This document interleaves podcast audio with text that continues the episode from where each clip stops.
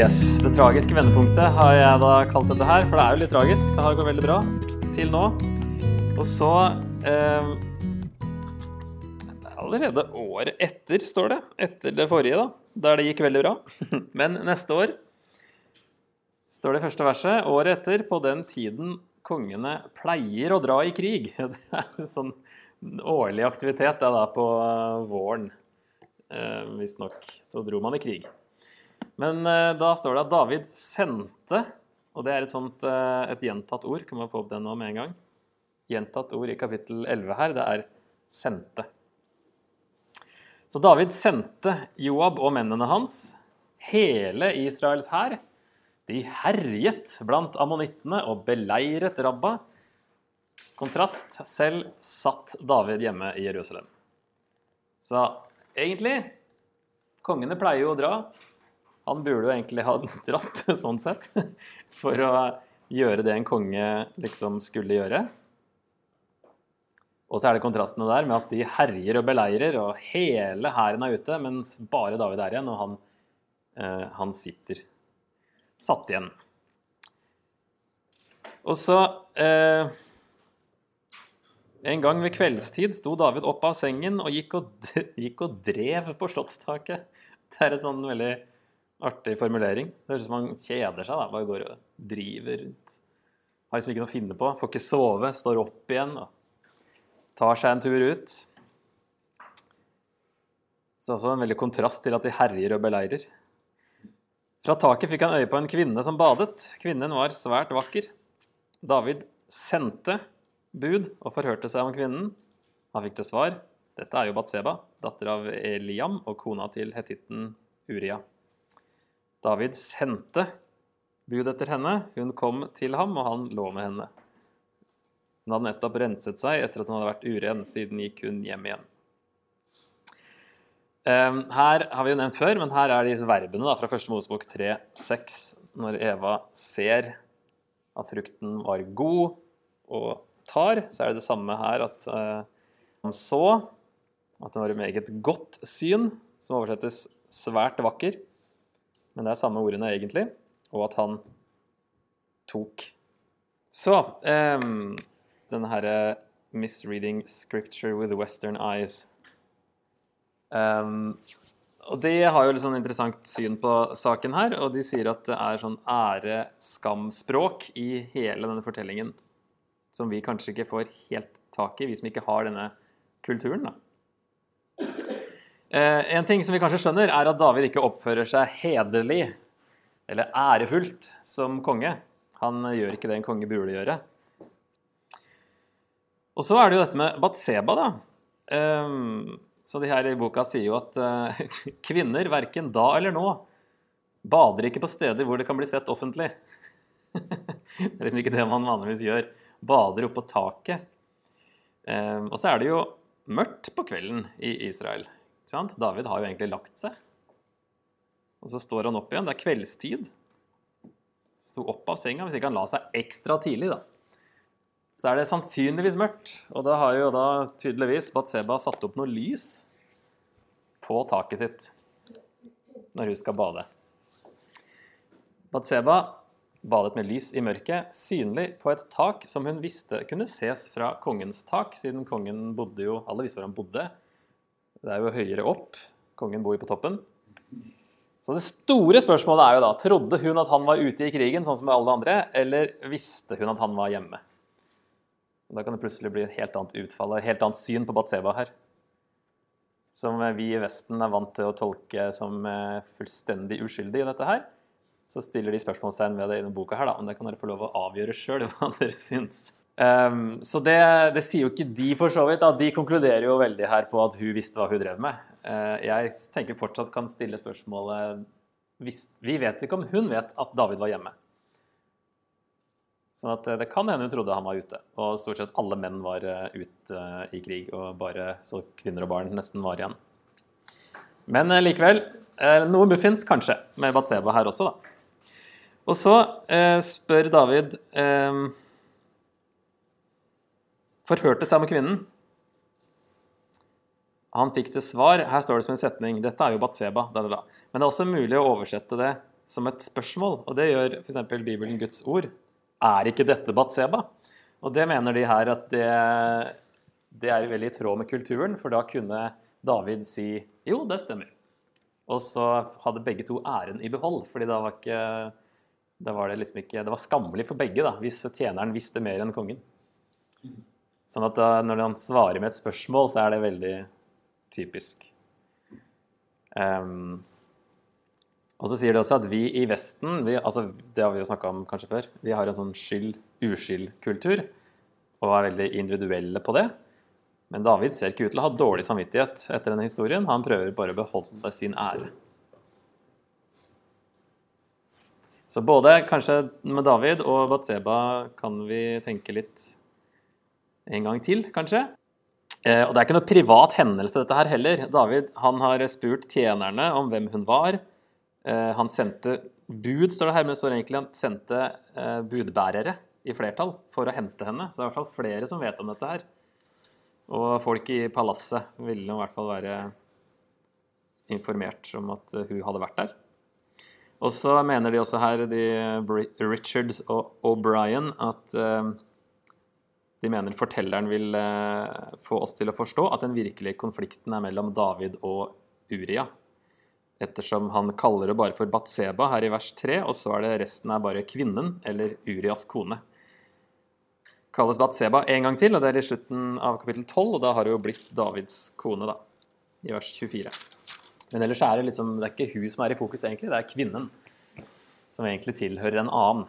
Og så er det jo Uria som eh, kommer inn i bildet etter hvert her, da. Så vi, har, eh, vi kan se på det. David har jo tre planer, egentlig. Så plan A er jo det han sier i vers 8 og 9. Så sa han til ham, gå nå hjem og vask føttene dine. Og da Uria gikk ut fra kongeborgen, ble det sendt en gave fra kongen etter ham. Men Uria la seg i porten til kongeborgen sammen med alle kongens tjenere. Han gikk ikke hjem. Og da er det jo stor sannsynlighet for at denne gaven er en bestikkelse. For at Uria skal la David slippe unna med det. David har i hvert fall en hensikt med å sende den gaven. Så enten så eh, er Uria intetanende her. Han vet egentlig ikke hva som har skjedd. Eller, som disse i denne boka mener, han vil føre skam over David ved å påpeke at alle var der de skulle være, unntatt David. Eh, eh, eh, både israelittene, vers 11 det, både israelittene og judeerne og paktkisten med bor i hytter. Joab, herren min, og kongens menn ligger i leir ute på åpen mark. Skulle da jeg gå hjem, spise og drikke og ligge med min kone? Ved ditt liv, så sant du lever, det gjør jeg ikke. ikke det kan være at han tenker som en god soldat, men det kan òg være at han pirker litt og, og, fornærmer David litt, men han sier indirekte at til og med paktkista er ute. Alle er ute, bortsett fra kongen. Han sier at Joab leder hæren, og ikke David. Og at han røper på en måte at han vet akkurat hva David vil, men han vil ikke samarbeide når han nevner 'ligge med min kone', som ikke har blitt nevnt i teksten før, i hvert fall. David har ikke nevnt det så vidt vi vet, men han nevner det, så han hinter om at han vet kanskje hva David vil at han skal gjøre, men så vil han ikke. Er ikke det eufemismen å si 'vaske føttene dine'? Eh, jo, det kan det for så vidt muligens være. Jeg vet ikke, Når man snakker om vaskeføttene, så blir det kanskje høres det litt mer eh, normalt ut. Ja, jeg skal ikke utelukke at eh, David hinter om et eller annet der. Det er mulig. At, eh, ja. Så jeg, jeg, vet ikke hva jeg landa på her. Jeg har ikke landa så veldig på verken Batseba eller Uria, men det er interessant å prøve å tenke litt annerledes om dette her. Um, og at det er i hvert fall ære skam inne i bildet her, da. Og at David ikke har dårlig samvittighet. Han må jo lures av Nathan i den lignelsen i neste kapittel for å skjønne at han har gjort noe gærent. Så det, det, er ikke sånn at han uh, går og lar dette tære på ham. Og så er det jo lenge etterpå. Det er jo etter at sønnen er født, det er i hvert fall ni måneder etterpå, at han blir oppmerksom på at uh, det han gjorde i fjor, var en stor synd. Liksom. Ok, Plan B da, er eh, at vers 13 David kalte ham til seg, spiste og drakk sammen med ham og skjenket ham full. Men om kvelden gikk Uria og la seg på plassen sin sammen med kongens tjenere. Hjem gikk han ikke, så det funka heller ikke. Og så er det jo da den verste, da, plan C. Neste morgen skrev David et brev til Joab og sendte det med Uria. I brevet skrev han, sett Uria lengst framme, der kampen er hardest. Dra dere så tilbake fra ham, så han faller og mister livet. Og så skjer jo det. Og så kommer eh, en budbærer fra Joab i eh, vers 18 og utover. Sier han da i vers 24 Din tjener hetitten Uria falt også. Og så sier David her i vers 25 Da sa David til budbæreren Si til Joab at han ikke skal ta seg nær av dette. For sverdet fortærer snart den ene og snart den andre. Han skal fortsette å kjempe mot byen og rive den ned. Be ham være ved godt mot. Det er liksom Ja ja, sånn skjer. Noen dør. Så ikke ta deg nær av dette. Og så er det akkurat samme ordet som ligger bak ordet det i vers 27. Det og dette, egentlig samme ord på hebraisk. Så det David sier, ikke ta deg nær av dette, det akkurat dette var ondt i Herrens øyne. Og det er jo en av de få gangene forfatteren faktisk må si fra, så vi får det med oss at dette var ondt. Og det kan jo være litt sånn ære-skam-greie, da. For det er ikke så tydelig i en ære-skam-kultur, i hvert fall ikke på den tida, at, uh, det var, at det her var så ondt. Det var helt vanlig for en konge å gjøre sånn. Men når forfatteren må si fra, så er det at det her var ikke i tråd med Guds moral, selv om det kanskje var i tråd med kulturen. Så altså ingen tegn på dårlig samvittighet. Æren hans er i behold, og han er fornøyd, virker det som. David kan ha tenkt sånn skjer om Urias død. Det var hans egen skyld for ikke å spille med, og ikke gjøre som kongen vil. Og så er det sitat fra denne boka. Ære-skam-aspektet ved Davids kultur avgjorde oppførselen hans. Ved hvert trinn gjorde han det som var typisk for en konge på den tiden i en situasjon som denne. Men Gud er ikke fornøyd. Og vi kan jo spørre oss om Batseba var fornøyd. Har hun fått det hun ville? Jeg lar det stå med et spørsmålstegn. Men eh, noen mener at alle er fornøyd, bortsett fra Gud her, da. Så selv om David hadde handlet etter de kulturelle standardene, holdt Gud ham til en høyere moralsk standard enn det han var vant til å tenke. Eller det kulturen påvirka han til å tenke. Så han har begynt å ta seg litt for mye til rette som en konge, og han sender dette nøkkelordet her. Han sendte og sendte. Han sitter bare og har blitt en sånn typisk konge som sender, og som tar. Ok, Så neste kapittel, da, så er det, nå er det Gud som sender. Herren sendte Nathan. Så det er en del sending her i de to kapitlene her. Og som sagt da, så skjer jo det her minst ni måneder senere, ut fra 1127. Der står det at hun ble hans kone og uh, fødte ham en sønn. Uh, det kan jo være en sånn senere hendelse som er da putta inn her, for det hører med i historien, på en måte, at det kan ha gått litt tid her. Men som sagt, når Nathan snakker, så er jo denne sønnen født. Ingen tegn på at David sitter der og har gnagende samvittighet i ni måneder så er det at kulturen ikke hadde noen måte å ta opp dette problemet på med en konge. Du kunne liksom ikke bare, Profeten er jo den eneste som kunne tørre å si noe. Men eh, det var ikke så lett for noen andre i hvert fall å ta opp dette her med noen. Gud brukte Nathan og skam for å få David til å innse det. Når han da blir lurt til å først fordømme denne personen i denne lignelsen, og så sier Nathan 'du er mannen' så har han fått den skammen på seg sjøl. Og der er vers 9 og 10, da. Hvorfor har du da foraktet Herrens ord og gjort det som er ondt i hans øyne? Fra nå av skal sverdet aldri vike fra ditt hus, siden du har foraktet meg og tatt hetitten Urias kone. Så det er jo det som skjer utover her. Nå går det nedover, fordi eh, konsekvensene av det her er at sverdet ikke skal vike fra ditt hus, og så blir det mye kriging og dreping utover.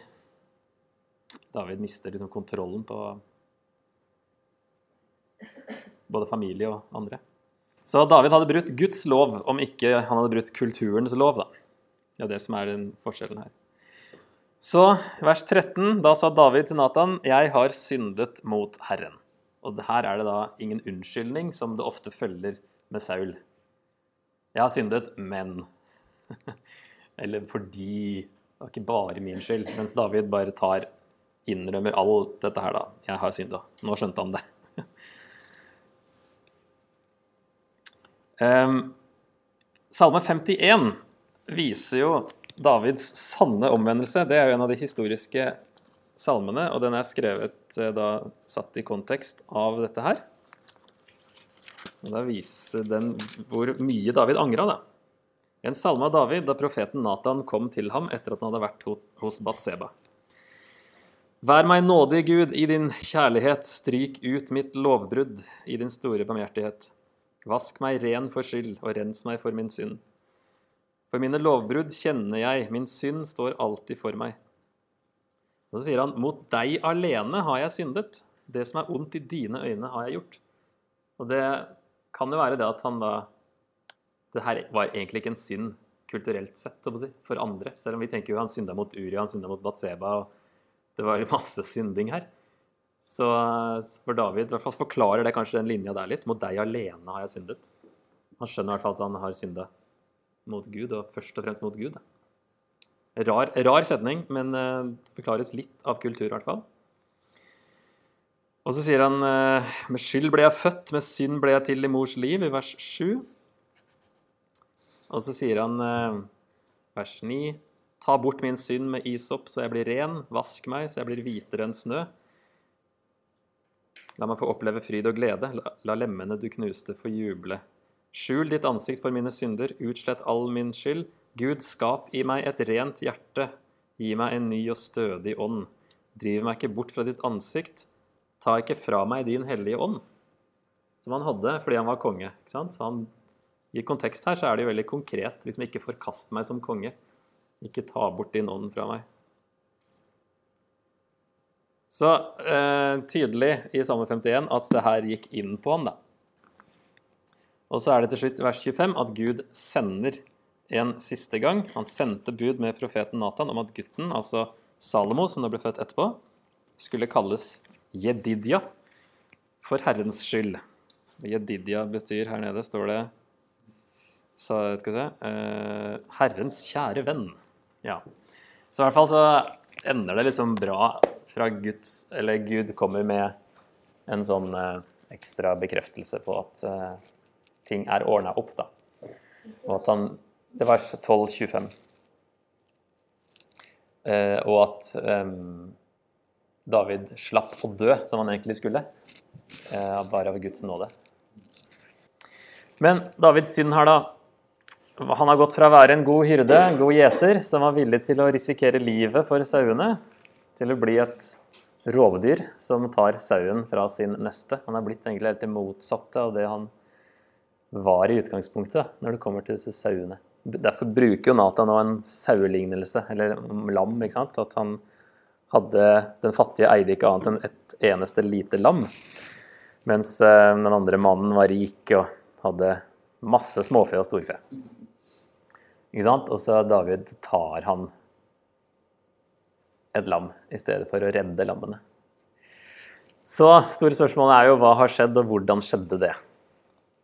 Hva har skjedd med David? Og da er det noen spørsmål vi kan stille oss, som vi har vært inne på. Ignorerer han loven, denne kongeloven i 15. Mosebok 17? For eksempel, han har mer enn sju koner og ti medhustruer. Er dette mange? Kongen skulle ikke ta mange koner. Hvor går grensa for mange? Vi syns jo det er veldig mange. Er det et eller annet han har tøyd strikken der? Er 100 hester mange som han tar seg? Høres ikke så veldig mange ut, men uh, skulle ikke ta seg mange hester. Og så står vi jo at man kanskje hadde litt delt motivasjon i begynnelsen, og nå takler han ikke å ha så mye makt. Er det det som har skjedd? Eller har han latt litt løgn og lureri, som vi har sett han har holdt på med lite grann, fått utvikle seg til mer? Noen spørsmål på det? Liksom, hva har skjedd med David underveis her? Men altså at ikke Gud kunne definere hvor, hvor mange er mange. Hvor går grensa? Og så har David kanskje tenkt at eh, det er ikke mange ennå. Det er ikke mange, Jeg kan ha litt mer.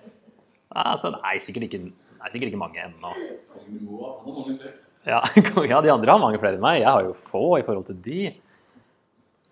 Um, men altså, ja, han har mer enn sju, for etter hvert så slutter han å telle. Han er forfatteren han tok seg enda flere koner, står det bare. Men vi vet i hvert fall at det var mer enn sju, pluss ti medhustruer. Men det kan ha vært en god del enn, mer enn 17 til sammen. Da. Og da, hvis du tar med de ti, så er det jo ganske mange. Det begynner å nevne seg 20 stykk. Men kanskje i forhold til de andre så var det ikke så mange. sant? Kanskje i sånn, forhold til Salomo så var det jo ingenting. det er jo helt klart noe med status som konge å gjøre, ja, hvor mange koner han har. Og det tenker jeg er en del av den kongeloven at uh, for å holde deg ydmyk, så skal du ikke ha masse koner, f.eks. Ikke karre til deg masse rikdom. Ikke heve deg over resten av folket. For etterkommere var jo veldig, veldig viktig. Å få sønner. Så jo mange flere koner, jo flere sønner. Og det vil jo ja, reflektere liksom din storhet. Eh, men i hvert fall så har vi sett noen sånne tendenser til ting da underveis, kanskje. Eh, og vi kan jo stoppe opp litt her og eh, tenke for oss, da. Dette er jo en viktig hendelse, og vi kan jo prøve å anvende den. For altså, Matteus 5 sier Jesus at om ditt høyre øye lokker deg til fall, så riv det ut og kast det fra deg. Sånn Jesus har noen ord som gjør det her til noe vi bør passe på. Eh, og ta synd seriøst, er jo egentlig det Jesus mener her. Han mener jo ikke det bokstavelig, eh, tydeligvis. At du skal rive ut øyet og kutte av deg hånda, sånn som han sier. Men eh, her er det jo øyet som får David til å falle, da, i utgangspunktet. Og da kunne han ha gjort noe med det med å metaforisk å si, revet det ut, stoppa det. En kristen filosof som heter James Smith, han sier noe sånt som at fristelser handler ikke først og fremst om enkeltvalg, men om misdannelse, som han kaller det da, som har skjedd under radaren over tid.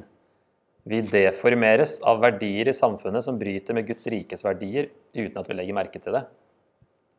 At eh, det er nok noe som har pågått over tid med David her. Han har blitt for påvirka av eh, hva en typisk konge gjorde, og glemt hvordan Gud mente han skulle være. Og at det er noe som helt klart gjelder for oss òg, at vi lever i en annen kultur, egentlig.